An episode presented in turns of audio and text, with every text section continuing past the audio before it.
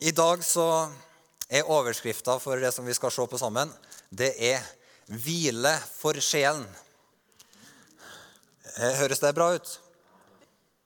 Og nå, vi, nå får dere det her verset opp på veggen. Men hvis dere har bibler med, så finn dem gjerne fram. Og hvis det går an å bruke en mobibel, og så er det er det sånn at eh, bak i, ved utgangsdøra så er det òg et stativ med litt eh, bibler på. Der er det både bibler og sangbøker, men du trenger bare Bibelen. Så Men overskrifta ja, er 'Hvile for sjelen'. Jesus sier, 'Kom til meg, alle dere som strever og bærer tunge byrder, og jeg vil gi dere hvile.' Ta mitt åk på dere og lær av meg for jeg er mild og ydmyk av hjerte. Så skal dere finne hvile for deres sjel. For mitt åk er godt, og min byrde er lett. Er ikke det et utrolig eh, godt skriftsted? Og det her uttrykket 'hvile for deres sjel' er jo et kjempeinteressant eh, uttrykk. Fordi at veldig ofte når jeg sier at jeg er, blitt, er sliten, så snakker jeg jo om at kroppen min er sliten. Eh, men det er veldig sjelden liksom at jeg kjenner å, jeg er så sliten i sjelen min i dag. Liksom. Skal ha hatt litt sjelehvile, sånn at sjelen min kan bli litt sånn uh, uthvilt og fresh. Men Jesus han snakker på denne måten. Og, og I hebreerbrevet så omtales han som sjelenes hyrde og sjelenes far. Tenk det, at sjelen vår, det indre mennesket vårt, liksom den usynlige biten av oss, tankene og følelsene våre, den har en hyrde. En, akkurat på samme måte som liksom sauene trenger noen til å passe på seg, så er det sånn at Jesus har sagt 'Jeg vil være hyrde for sjelene'. Så det betyr at Jesus sier at vi kan komme til han, og så skal vi da finne hvile for sjelen. Og da, når han sier det her, så er det lett å tenke at ja, så sier han, 'Kom til meg, alle dere som strever og har noe tungt å bære på'. Det betyr alle som opplever at ting kan være vanskelig, ting kan oppleves som en motbakke, det er ting du er redd for, det er ting som du syns er slitsomt, det er ting som gjør deg urolig, alle dere som kjenner på sånne ting, kan, sier Jesus, alle dere som strever og bærer tunge byrder, kom til meg, og jeg vil gi dere hvile. Og så sier han da at ta mitt åk på dere og lær av meg, for jeg er mild og ydmyk av hjerte, så skal dere finne hvile for deres sjel. Så da er det interessant, Hva er det som skjer da når vi kommer til Jesus fordi at vi opplever at ting er vanskelig, eller vi er redd, eller vi er frustrert, eller vi bare har en litt sånn sliten i sjelen-dag. Eh, hva er det da som skjer når vi kommer til Jesus? Og så sier vi Jesus, livet mitt er vanskelig. Eh, her personen syns jeg er litt krevende å forholde meg til. Eh, her, denne situasjonen, denne eksamenen eller denne prøven syns jeg er vanskelig. Eller jeg føler ikke jeg får til ting i forhold til vennene mine. Eller hva enn som er vanskelig, hva er det som skjer når vi kommer til Jesus? Er det da alternativ A at han kommer og på en måte tar vekk problemene? Eller er det alternativ B at han kommer og hjelper oss å finne en måte å bære det på som gjør at vi samtidig med at det er utfordrende, at vi har vanskelige folk, at vi har en krevende eh, matteprøve, at eh, vi har noen kollegaer som vi bare ikke finner ut av det med. Samtidig med alt det der så sier Jesus at vi skal kunne finne hvile for sjelen. Jeg tror det er alternativ to, eller B, eller hva det var. For Jesus han sier det, at det er ikke sånn at 'kom til meg, alle dere som strever', og så skal jeg ta vekk byrdene. Det er veldig fort gjort å høre det. Fordi at vi tenker til, Vi ber til Jesus Jesus, kan du ordne opp i den situasjonen, kan du ordne opp i den situasjonen? Så sier Jesus nei. Eh, ja, det jeg har for deg, det er at du skal få hvile for sjelen.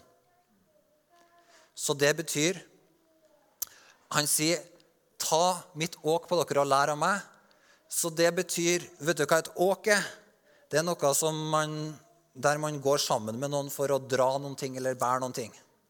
Et åk kan også være være noe som du bare sant, du har det over skuldrene, og så har du ei vannbøtte på ene sida ei vannbøtte på den andre sida, og så bærer du mer enn liksom det som du ville ha båret i hendene. Du bærer det med skuldrene. da. Så åket det, det, Eller du kan plassere det over to okser for at de sammen skal dra ting. Og det er klart at Alt det her handler jo om et åk. og Jesus sier at skal du få til å bære ting, da, så er det første han sier, 'Kom til meg', og så lær av meg. Så Jesus, han, når han liksom hva skal jeg si, hvis, du, hvis vi snakker om Jesus sine fem steg til god mental helse, da, eh, eller eh, Jesus sine prinsipper for å mestre storm på innsida, så er det liksom som Jesus han kommer ikke til oss og gir oss ei sånn lærebok eller prinsipper, men han sier, 'Her er jeg'.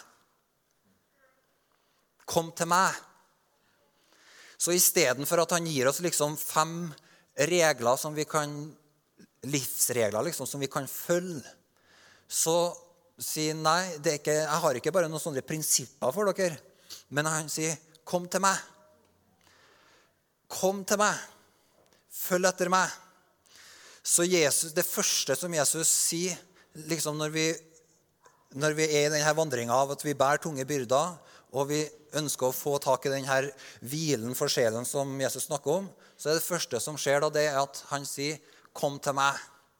Så Jesus kaller oss ikke til liksom å, at det er sånn at hvis du har trøbbel i livet, så får du fem gode leveregler. Følg dem, så går det bra.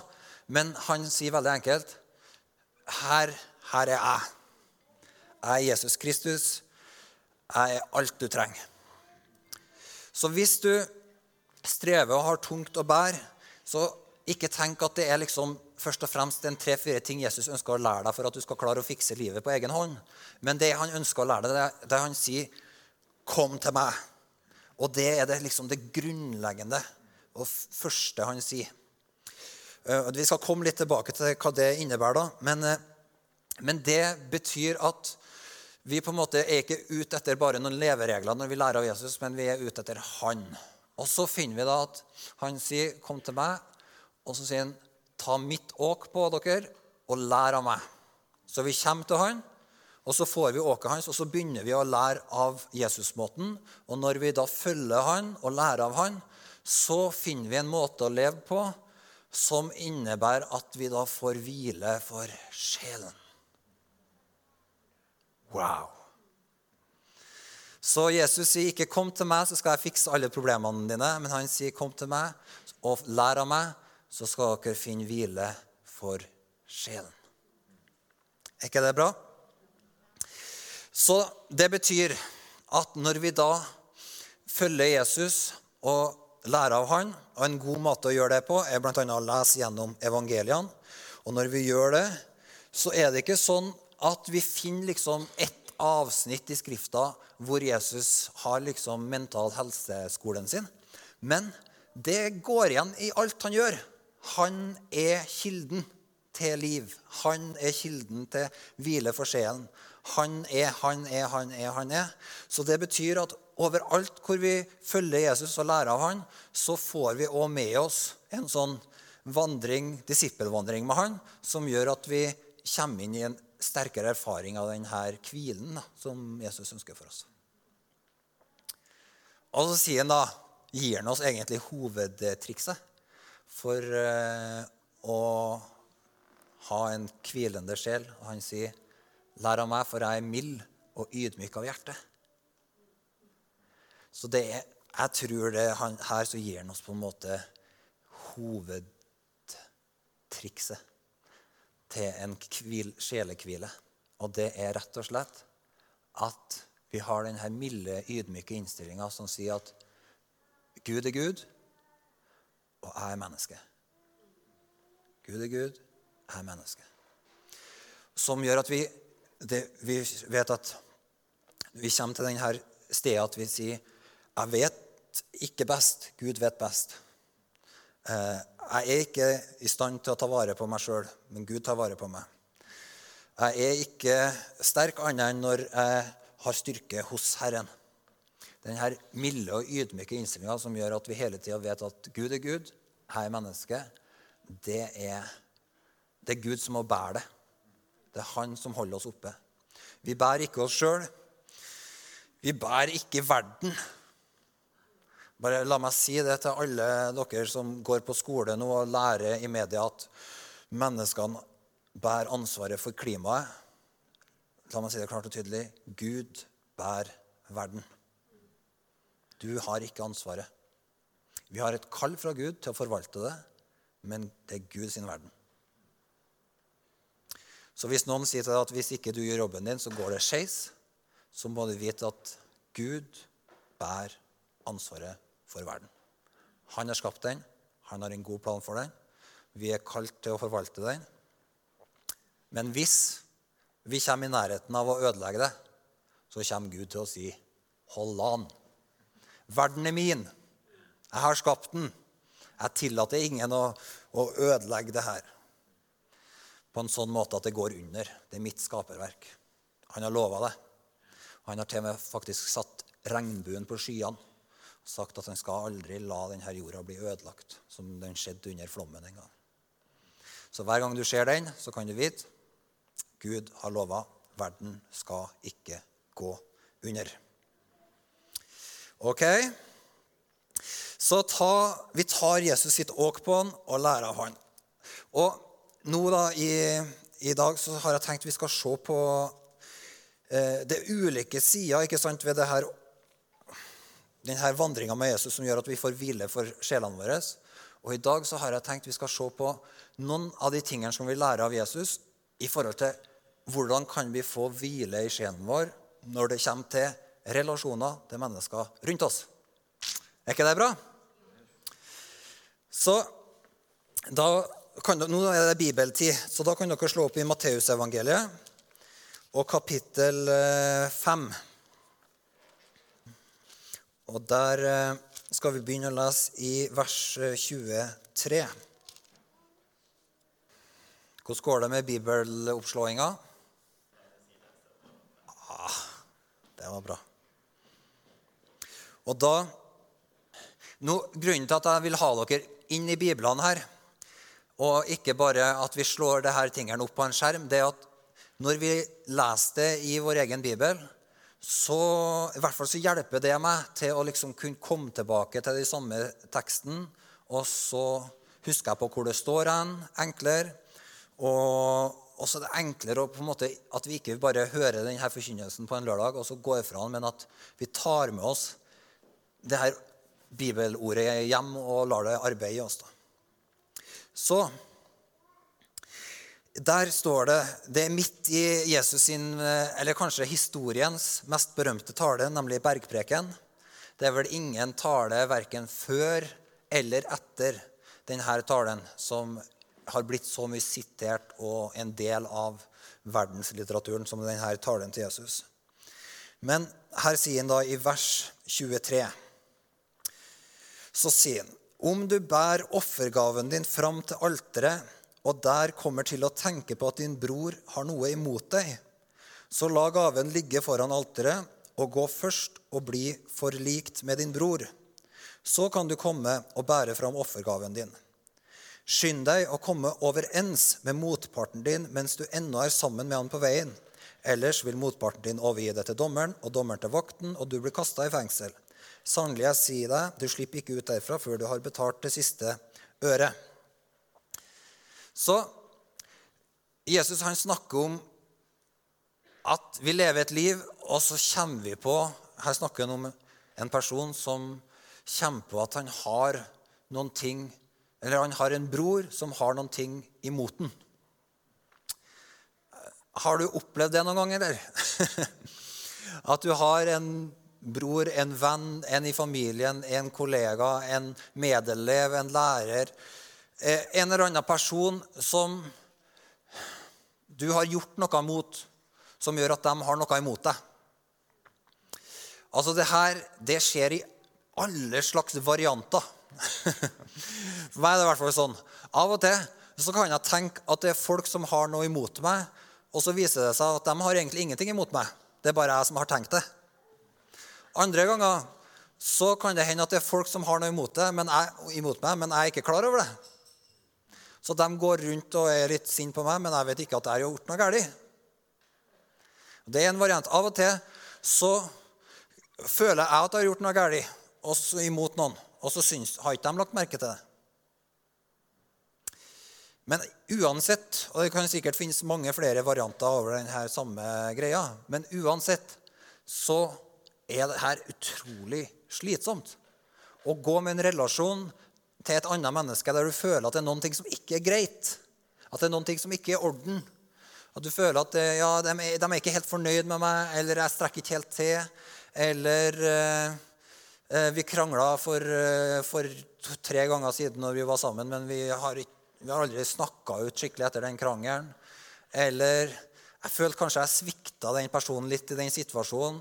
Jeg skammer meg litt over det. Jeg har ikke lyst til å ta det opp. Eh, eh, så Derfor så velger jeg å unngå den personen og prøve å ikke møte den.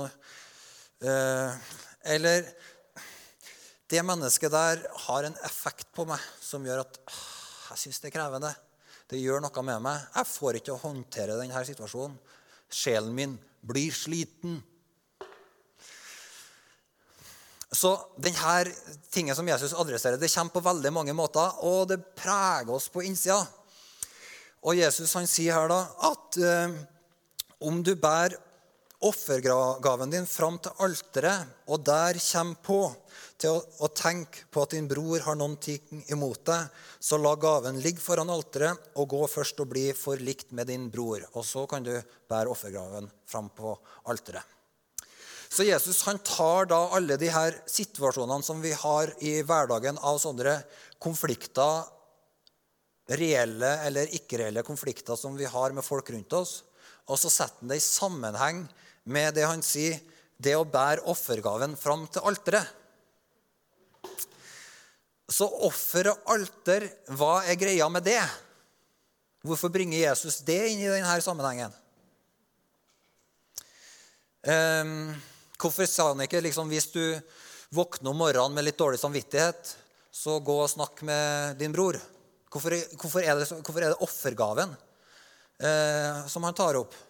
Eller hvis du det er liksom, Ja, hva er greia? Men offeret og alteret, da det, Gjennom den gamle pakt så handla det om det stedet der mennesker møtte Gud. Det var et møtested med Gud. Og møtestedet, da, Når møtestedet var basert på det her alteret og offeret, så forteller det oss at utgangspunktet vårt for fellesskap med Gud, det er på en måte Offer er et uttrykk for tilbedelse og, og gudsfrykt. Det handler om at Gud skal få det han vil ha.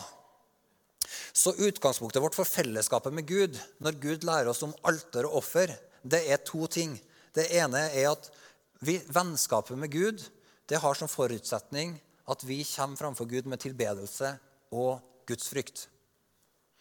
Det andre offeret alteret lærer oss, det er at forsoning trengs for at vi skal ha fellesskap med Gud. Alle alterene som er beskrevet i Bibelen, de peker fram mot det endelige alteret som gjorde slutt på alle offer når Jesus ble ofra på korsalteret på Golgata og tok all verdens synd og straff og skam og skyld på seg. Og Det var det på en måte det endelige offeret som gjorde at etter Jesu død på korset så er det ingen som har trengt å bygge et alter eller brakt fram et offer, men vi lever da ut fra Jesus sin forsoningsverk. Så Jesus sier at de her tingene, da, gudsfrykten som gjør at vi tilber Gud og kommer inn i fellesskapet med Han pga. det som Jesus sjøl gjør på korset, de to pilarene, det, det, handler om fellesskapet vårt med Gud, men det, det berører hvordan vi forholder oss til mennesker. Så Jesus sier måten du dealer med mennesker rundt deg på, det må starte med å komme til stedet der det er offer og alter, altså fellesskapet med Gud, basert på gudsfrykt og Jesu forsoning. Å, Håvard, nå var det litt komplisert.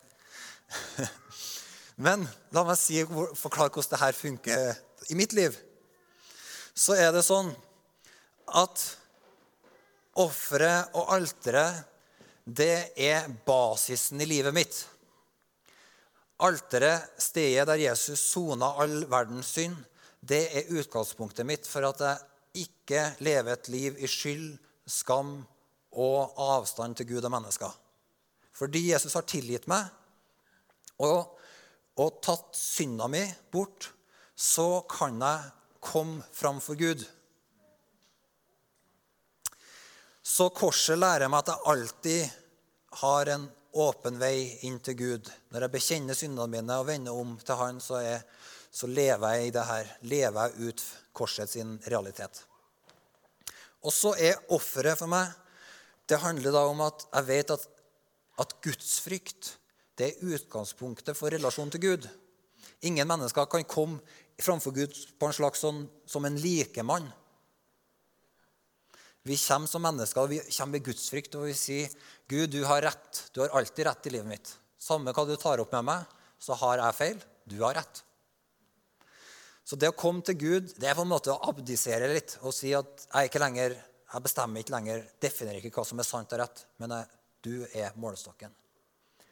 Men samtidig, når jeg sier det, at jeg sier 'Gud, du har siste ordet', jeg frykter deg, så gjør det noe med forholdet mitt til mennesker.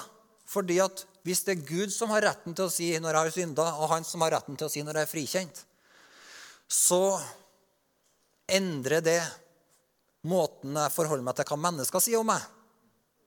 Fordi at da er det ikke lenger mennesker som har det siste ordet om hvem jeg er. Men det er Gud som har det siste ordet.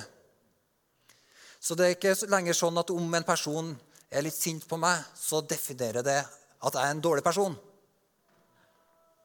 Mm -hmm. For de har kommet til offeret og alteret, så vet jeg at det, det er Jesu offer, og det er Guds ord om mitt liv som definerer hvem jeg er. Så utgangspunktet for relasjonene våre Jesus, det er at vi lever et liv der vi stadig kommer til offeret og alteret. Der vi lever på en måte ved offeret og alteret. Og så er det sånn at når vi lever der, så får vi en justering fra Den hellige ånd som gjør at vi lever med en god samvittighet framfor Gud. Så hver dag så kan du stå opp og si til Jesus, 'Jesus, takk at du har rensa meg, du har tilgitt meg, og at jeg har en ren samvittighet framfor deg.' Hvis det er noen ting som jeg trenger å gjøre opp med noen mennesker, så vil jeg at du, Hellige Ånd, skal ta det opp med meg. Hvis det ikke er noen ting Oh, happy day! Da fortsetter jeg å leve fra den kilden, fordi jeg vet at samme hva jeg møter den dagen, så har Gud, han som har frikjent meg, han har siste ord over livet mitt. Jeg lever ikke frimodig fordi at jeg er noe bedre enn andre mennesker eller dårligere enn andre mennesker, eller at jeg på noen måte er god nok for Gud, eller noe sånt, men jeg lever frimodig og glad og trygg og med god samvittighet fordi jeg lever ut fra at Jesus har tilgitt meg, og at Gud har sagt at eh, det er ingenting du trenger å tenke på. Lev med en god samvittighet. Og så trekker Jesus òg inn her da, i, i denne sammenhengen så sier han da at hvis det er ting da, som du kommer på der innenfor Guds ansikt, ved offeret og alteret, når du er innenfor Gud Gud peker på noen ting. Mitt liv faktisk I går kveld så pekte Gud meg, til meg i en samtale som jeg hadde for ei ukes tid siden, der jeg delte noen ting som jeg følte Den hellige ånd sa det burde du ikke delt. Så da ba jeg Gud om tilgivelse for det i går kveld. Og så når jeg sto opp i morgen, så, morgen, så sendte jeg en tekstmelding til eh, denne vennen min da, som jeg hadde delt det her med. Så sa jeg jeg følte Den hellige ånd sa til meg at jeg ikke burde ha sagt det. som jeg sa. Og så sa han til meg ja, jeg tenkte ikke over noen ting at du sa noe galt. Men eh, signe der, liksom. Men så han opplevde ikke at jeg hadde gjort noe galt. Men Den hellige ånd sa til meg at jeg trengte å vende om. Mhm. Så Gud er dommer. Han er en dommer inn i de tingene som mennesker ikke forstår. Helt fullt ut. Og egentlig i situasjonen så tenkte jeg ikke over at jeg gjorde noe galt. Men jeg følte, i noen dager etterpå så følte Den hellige ånd kom tilbake og sa nei, nei, Håvard, du, det var noen ting der du må lære. Og da er jeg så glad for at det er ikke bare offeret, men det er òg alteret. Så når jeg kommer til Jesus, så vet jeg Jesus, du har rett, jeg har feil. Det er offeret, ikke sant? Du har rett, jeg har feil. Alteret Jesu blod. Tilgitt. Så fra det punktet hvor jeg hadde sagt til Jesus 'tilgi meg', så var jeg rensa. Blikket mitt kunne rettes opp igjen. Og så bekjente jeg for mennesker, og så kjente jeg en enda større frihet. Og så sa han til meg ja, men du gjorde ingenting galt. Men jeg visste jo, jeg hadde gjort noe galt. Men jeg var fri. Er ikke det godt? Så når vi kommer til offeret og alteret, kommer framfor Gud, så minner han oss på ting. Og den påminnelsen eller friheten gjør at du alltid da kan leve med en god samvittighet. Du trenger ikke å leve med en sjel som spør deg sjøl strekker jeg til, er jeg god nok, er de folkene fornøyd med meg, eh, har jeg såra dem? Eller du vet du har såra noen og gjort noe dumt, og det jager etter deg, og du får ikke sove om kveldene, så sier Jesus nei, men be om tilgivelse til mennesker. Det er ikke sikkert de tilgir deg. Men så, når du har gjort det, så kom til offeret og alteret. Og opplev likevel å bli frikjent av Gud, han som er dommeren. Tenk på det. Sjøl om mennesker ikke tilgir deg, kan du oppleve å bli frikjent og ren, som gjør at du igjen kan møte de menneskene som ikke har tilgitt deg, med god samvittighet, kjærlighet og omsorg. Ikke trenger å gå omveier fordi at du vet nei, det er ikke mennesker som definerer mitt liv. Det er Gud som definerer meg. Amen. Hvis det er sånne ting som du tenker Av og til så når vi lar Den hellige ånd jobbe litt med oss i et sånt, litt sånn sjølransakende ting, så kan det være ting som dukker opp som du tenker at er godt å legge av. Og Av og til så kan det være lurt å legge av ting hos noen andre enn den det angår. Sånn? Det er ikke alt, liksom, Hvis man har gått med et agg mot noen, så er det ikke alltid det, det til hjelp at du går til den personen og sier at jeg går rundt og har vært sint på deg i ett år. liksom.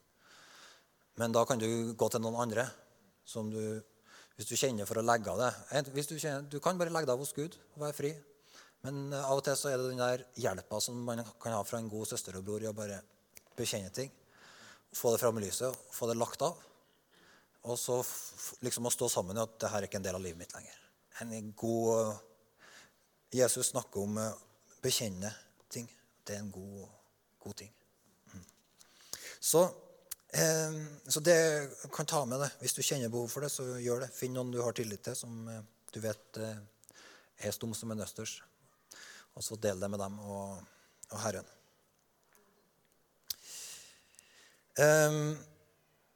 Vi skal, vi skal lande bare litt i Jesus han går videre i bergpreken, og så snakker han i, i vers 43 om å elske fiendene våre og være lik vår himmelske Far, som da eh, lar sola si gå opp over rettferdige og urettferdige. Og Paulus han tar opp tråden fra det Jesus underviser her i Romerbrevet, i kapittel 12. Og dere kan slå opp der. Romerbrevet kapittel 12 og vers 14. Eh,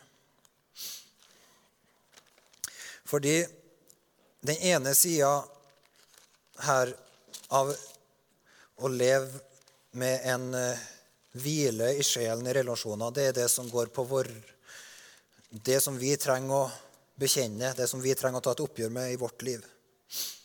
Men så er det den andre sida, som handler om hvordan møter vi ting når mennesker gjør urett imot oss. Hvordan håndterer vi det? I Romerbrevet kapittel 12 og vers 14 så tar på en måte Paulus opp tråden fra det Jesus underviser i bergpreken, og så sier han eh, Velsign dem som forfølger dere, velsign og forbann ikke. Gled dere med de glade, gråt med dem som gråter, hold sammen i enighet. Gjør dere ikke for høye tanker, men hold dere gjerne til det lave, og vær ikke selvklokke. Gjengjeld ikke ondt med ondt. Ha tanke for det som er godt for alle mennesker. Hold fred med alle om det er mulig, så langt det står til dere. Ta ikke hevn, mine kjære, men overlat vreden til Gud. For det står skrevet, hevnen hører meg til. Jeg skal gjengjelde, sier Herren. Men er din fiende sulten, så gi han mat. Er han tørst, så gi han drikke. Gjør du det, samler du glødende kull på hans hode. La ikke det onde overvinne deg, men overvinn det onde med det gode. Så her igjen så tar Jesus oss på en måte fram for eh, Når han snakker om relasjonen vår til andre mennesker, så bringer han på en måte inn dommeren over alle mennesker inn i situasjonen. Her er det Paulus som gjør det. da. Men eh, Jesus, vi så hvordan Jesus gjorde det i, det, i, i Matteus. At han brakte inn dommeren inn i forhold til hvordan er det vi håndterer relasjoner. Så det betyr at jeg sjøl frikjent av at jeg har mottatt Jesu tilgivelse, og at jeg lever i at jeg gir Gud rett og gir Gud det siste ordet. Men så er det òg en side ved at når mennesker gjør urett mot meg, så kan jeg òg bringe saken fram for dommeren. Så Gud sier hvis mennesker gjør urett mot meg, så trenger ikke jeg å være en hevner. Så at mennesker sårer meg, jeg trenger ikke å såre tilbake.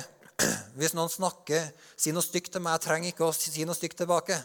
Fordi at prinsippet om å så og høste det gjelder i alle situasjoner. Så om noen sier noe stygt til meg, så er det først og fremst de som høster av det som skjer. Jeg trenger ikke å ta imot det ordet. Men hvis noen sier noe stygt til meg, og jeg velsigner dem, så blir jeg velsigna, og de høster forbannelse. Det er livslovene som Bibelen lærer oss. Så Jesus sier at sjøl om noen gjør noe ondt imot deg, så så trenger ikke du å bli skada av det. For skaden oppstår når du begynner å leve i reaksjon og respons på det onde som skjer. Så her sier han ikke ta hevn, men overlat vreden til Gud. Fordi han hevnen hører meg til, jeg skal gjengjeldes i Herren. Så når vi opplever denne uretten imot oss, så er det å kunne gå til Gud og si Herre, det her var feil. Dette mennesket tråkka på meg. Dette mennesket brøt over noen grenser de ikke hadde rett til å gjøre. Herre, det her var feil. Herre, jeg, jeg ber om at du skal Jeg overlater denne situasjonen til deg. Jeg gir dette mennesket i dine mektige hender. Og det er det å felle dom på den måten at vi sier jeg overgir dette mennesket, jeg overgir denne situasjonen i dine mektige hender, det er ikke å skyve ting under teppet og late som ting ikke har skjedd. Men det er å overgi til Gud de tingene som handler om at han dealer med mennesker rundt oss sin urett og synd. Og så sier Gud at når dere overlater hevn til meg, så kan dere da leve i den her. Er din fiende sulten, så gi han mat. Er han tørst, så gi han drikke. Gjør du det, samler du glødende kull på hans hode. La ikke det onde overvinne deg. Så det betyr la ikke det som skjer imot deg, forandre deg sånn at du begynner å leve ut av en respons av bitterhet, sinne, agg, nederlag, skuffelser. Ikke la det bli beveggrunnen din, kilden til handlingene dine, grunnen til at du står opp om morgenen, grunnen til at du arbeider hardt, at du vil motbevise at eh, noen som har såra deg, eller at du osv. osv. Nei. Legg alt det der på Herren, og lev med blanke ark, med visshet om at Gud er en hevner over all urett. Han tar seg av det. Folk skal deale med han. For da bruker du samme målestokk for dem som du bruker for deg sjøl. Fordi du vet at du har kommet til korset. Har, Guds dom har gått over livet ditt. Og han har dømt deg som en synder på korset. Og så døde du med Kristus, og ble du reist opp til et nytt liv. Og den dommen som du da lever under, at vi lever sammen med dommeren Jesus og lever i justeringer fra han. Og så møter vi livet mennesker som ikke vil justeres av Jesus. Men de skal òg framfor den samme dommeren som vi allerede har møtt. Og det kan vi overlate i Guds hender. Og da kan vi leve da, med denne friheten av at er fienden vår sulten, så gir han mat. Er han tørst, så gir han drikke. Gjør du det, så samler du glødende kull på hans hode. Ikke la det onde overvinne deg, men overvinn det onde med det gode. Så Jesus han har en vei for oss der både når vi synder, og når andre gjør urett mot oss, og ting skjer i livet, så har Jesus en vei for oss der vi i alt det som skjer, kan leve med denne hvilen for sjelen. Og kjenne at, eh, at vi blir fornya. Han tar ikke vekk alle onde mennesker. Han eh, tar ikke vekk konfliktsituasjoner og alt ubehaget, men han gir sjelen vår en hvile som gjør at vi kan stå da, i møte med alt det her og kjenne at nei, evangeliet er det grunnen som jeg lever på. Jeg lever ikke i reaksjon på alt som folk sier eller gjør eller mener eller tror, men jeg lever ut fra at Jesus er dommeren min.